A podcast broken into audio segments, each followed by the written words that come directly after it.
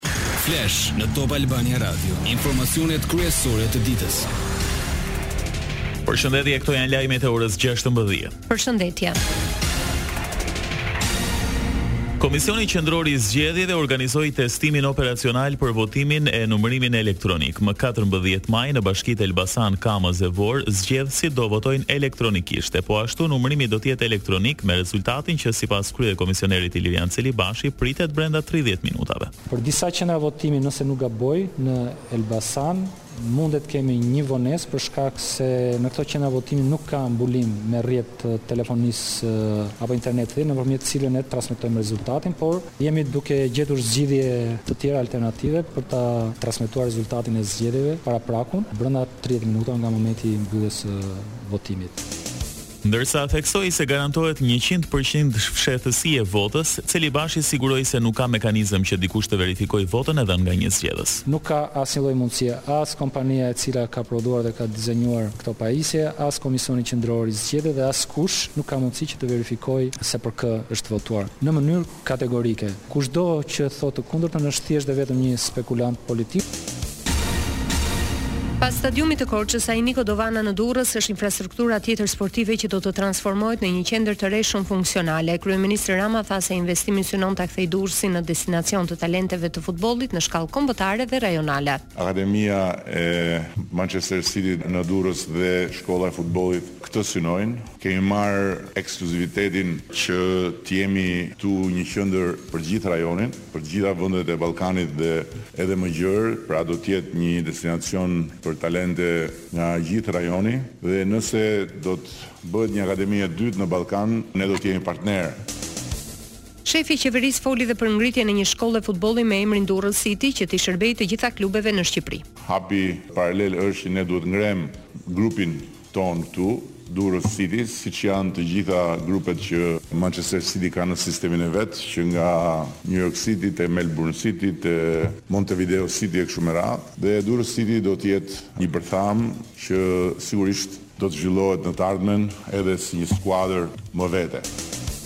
Sa i përket projektit të stadiumit Niko Dovana do të përzgjidhet një prej tre studiove prestigjioze të arkitekturës nga Holanda, Belgjika e Danimarka që i prezantuan sot. Nga sot nafta do të shitet njëqind e gjashtëdhjetë e nëntë lekë për litër, benzina njëqind e shtatëdhjetë e dy dhe litri i gazit gjashtëdhjetë e dy lekë. Vendimi u mor në mbledhjen e radhës së Bordit të Transparencës që pason atë të një dite më parë. Çmimet e reja të caktuara nga Bordi do të hyjnë në fuqi sot në orën tetëmbëdhjetë. Zgjedhjet Vendore dy mijë e njëzet e tre, Shqipëria voton! Drejtuesi politik i Partisë Socialiste për Qarkun Tiranë, Erion Veliaj pati një takim me Forumin e Gruas në Kavajë, ku evidentoi transformimin e qytetit nën drejtimin e Redian Kralit, i cili synon një tjetër mandat më katërmbëdhjetë maj. Ishin plehrat mullarë, kur futeshe në kavaj. Dhe më shumë shifje tufa me qen se tufa me njerëz, kur futeshe në kavaj. Shikoje një qytet që s'kishte ndriçim. Sot, Kavaja është më e pastër, dhe ky është fakt. Është më e ndriçuar, dhe ky është fakt. Është më e asfaltuar, dhe ky është fakt. Është, sot, më e frekuentuar, dhe ky është fakt. Ka më shumë biznese, dhe ky është fakt. Ka më shumë turistë, dhe ky është fakt. Asnjëherë nuk mjafton, po vetëm duke ecur përpara, mund të vazhdojnë të bëhen gjërat më mirë. Veliaj tha se kundërshtarët e braktisën detyrën katër vjet më parë e siç u shpreh tani kërkojnë sërish votën për të mbushur autobusët për protestën në Tiranë. Dhe thonë, na jepni Kavajën që të rrëzojmë qeverinë dhe Edi Ramën. Se si u rrëzoka qeveria nga një bashki unë këtë nuk e di. Por në mëndjen e tyre Kavaja nuk ka personalitet. Kavaja është vetëm për të mbush autobuza për t'i çu në miting në Tiranë. Për ne Kavaja ka personalitet. Ka rrënjë, ka kulturë, ka të ardhme, ka investime, kjo është diferenca. Pyeta një, kush po e ndihmon opozitën këtu, thonë janë lekët e Shkëlzenit. Saliu ka vrarë me plumba në mish dhe Shkëlzeni për para është gati të hedhë dhe fëmijë në erë. Kështu që fëmijët tanë do t'ia besojmë Redit dhe skuadrës tonë që ndërton çerdhe, kopshte, shkolla, që Kavaja të shkojë përpara edhe mos kthehet. Te këta fundërrinat e historisë. Për Berishën dhe Metën, Veliaj tha se nuk shqetësohen për popullin për hallin e tyre, po ashtu ironizoi dhe deklaratat e kundërshtarëve lidhur me mbështetjen që i kanë dhënë artistët. Ka një vit që zihen me Amerikën dhe ka një javë që zihen me Rita Orën. Një parti që zihet me Noizyn dhe me Rita Orën, që s'ka shans ta fitojnë atë betejë. Pra, këtu jemi me disa njerëz që qartazi nuk jetojnë me realitetin tonë, nuk kanë hallet tona, nuk shqetësohen për çerdhe, për kopshte, për shkolla. Kanë hallin të zihen me Amerikën. Të zihen me Rita Orën dhe Noizyn dhe të merren me pemët. Ndërsa vazhdon fushata zgjedhore për Partinë Demokratike, shënjestra mbetet Sali Berisha. Përpiqemi të bëjmë një Parti Demokratike të djathtë, që të mbrojmë pronën e qytetarëve. Jo, ne jemi ndarë me Sali Berishën. Jam qenë mirë nëse po e thuaj gjatë ditës. Jeta është e jona, ashtu është, sepse politikanë na kanë vjedhur jetën edhe tallen me jetën tonë. Në një takim me qytetarë të Tiranës në Njësinë Administrative Numër pesë, kandidati Roland Bejko shpërndau fletëpalosje me programin e tij zgjedhor. Nga të rinjtë, Bejko kërkoi më shumë përfshirje në politikë e të vendosin për të ardhmen e tyre. Ky është një program i sintetizuar, por mund t'i hidhni një sy. Vlerësoni vetë se një javë ngali. Student jeni besoj.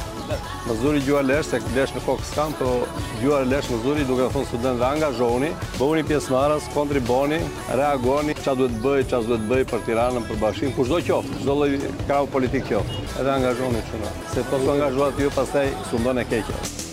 Po ashtu Bejko u shpjegoi të rinjve propozimet e Partisë Demokratike për arsimin. Për studentët kemi kartën e studentit, e cila do të plotësohet me të tjera të drejta që i takojnë studentit dhe të ndërtojmë një korpus universitar. Ne duam që të krijojmë kushte studentëve në fakt.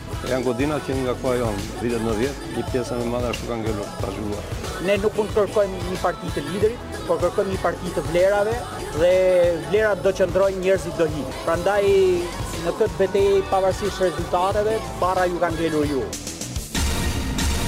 Në një takim me banorë të Kasharit, kandidati i koalicionit Bashkë Fitojmë Belind Këlliçi ritheksoi premtimin për transportin falas. Këlliçi përmendi jo vetëm shtrirjen e këtij shërbimi pa pagesë në periferi, por edhe transformimin e flotës dhe të stacioneve të autobusëve. Në qytet dhe në fshat në të gjithë fshatrat e Tiranës, përfshirë dhe këtu zonën Kasharin, Yrshekun, Mëzezin. Pa diskutim do të jetë autobuzi pa pagesë, do të subvencionojmë dyqind mijë qytetarë në ditë, por mbi të gjitha do të modernizojmë stacionet, do të vendosim orare, do ta lidhim me GPS autobuzin në mënyrë që edhe qytetarëve t'i dalë këtu një tabelë elektronike, vonon autobuzi, vjen për dhjetë minuta. Kandidati i Bashkë Fitojmë ironizoi artistët që kanë dalë në mbështetje të Veliajt. Ç'është ky tmerr? Tiranën, kryeqytetin europian të pastërtisë, çka të thashë. Këta që dalin këngëtarët që nuk jetojnë fare në Shqipëri e në Tiranë që s'kanë lidhje, e që jetojnë nëpër vila private, nga një milion euro, këto pamje mbështesin, kur mbështesin kryetarin aktual të bashkisë. Ky që flet për pastërti në qytet, ja ku janë kalamajtë, ku kalojnë kalamajtë e shkretë.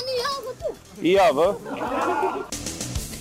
Ndërkaq, Këlliçi kërkoi votat e fermerëve të Tiranës, duke iu premtuar se pas katërmbëdhjetë majit do t'u shtohen mundësitë e zhvillimit. Do të kemi tre milionë euro për huamarrjen.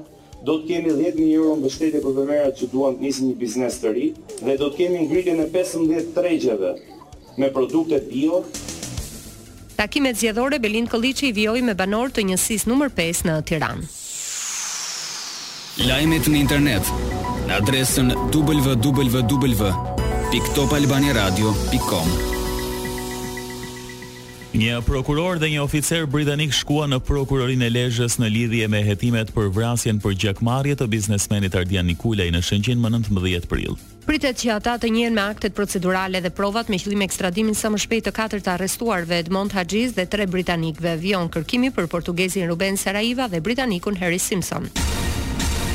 Vritet një shqiptar në Spanjë, viktima u identifikua si Endrit Sinaj njëzet e nëntë vjeç me origjinë nga Vlora. Mediat spanjolle raportojnë se u qëllua me armë zjarri në Girona. Mësohet se ai kishte një të kaluar të lidhur me trafik droge dhe grabitje të dhunshme në Spanjë dhe Shqipëri me llogari të hapura për sulmin e armatosur në një shtëpi në tetor të dy mijë e njëzetës në qytetin e Vlorës. Gjykata e la me masën detyrim për paraqitje. Lajme nga rajoni. Roli i ekipit menaxhues për statutin e Asociacionit të Komunave me Shumicë Serbe në Kosovë përfundon vetëm kur ai statut të miratohet. Sipas Bashkimit Evropian, vendimi i Prishtinës zyrtare për të shkarkuar anëtarët e tij është në kundërshtim me marrëveshjen. Kjo u tha sot në Bruksel nga zëdhënësi i BE-së për politikën e jashtme dhe sigurinë Peter Stano.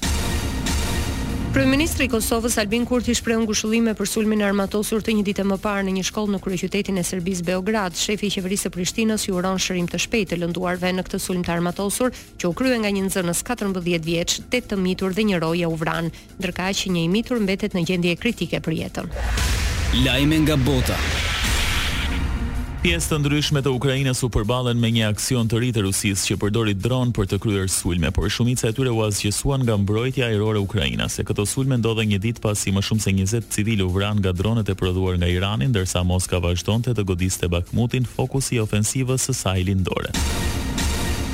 Human Rights Watch dënoi përdorimin e armëve të rënda në zonat e banuara në Sudan. Organizata i bëri thirrje Këshillit të Sigurimit të Kombeve të Bashkuara të bëjë më shumë për të garantuar sigurinë e popullatës, dhe për t'i mbajtur përgjegjës shkaktarët, dy gjeneralë dikur aleatë prej pesëmbëdhjetë prillit luftojnë për pushtet. Parashikimi i motit. Edhe orët në vijim, vendi ynë do të ndikohet nga kushte atmosferike të paqëndrueshme, moti mbetet kryesisht i vranët dhe me reshje shiu, temperaturat luhaten nga tetë në njëzet e tre gradë Celsius.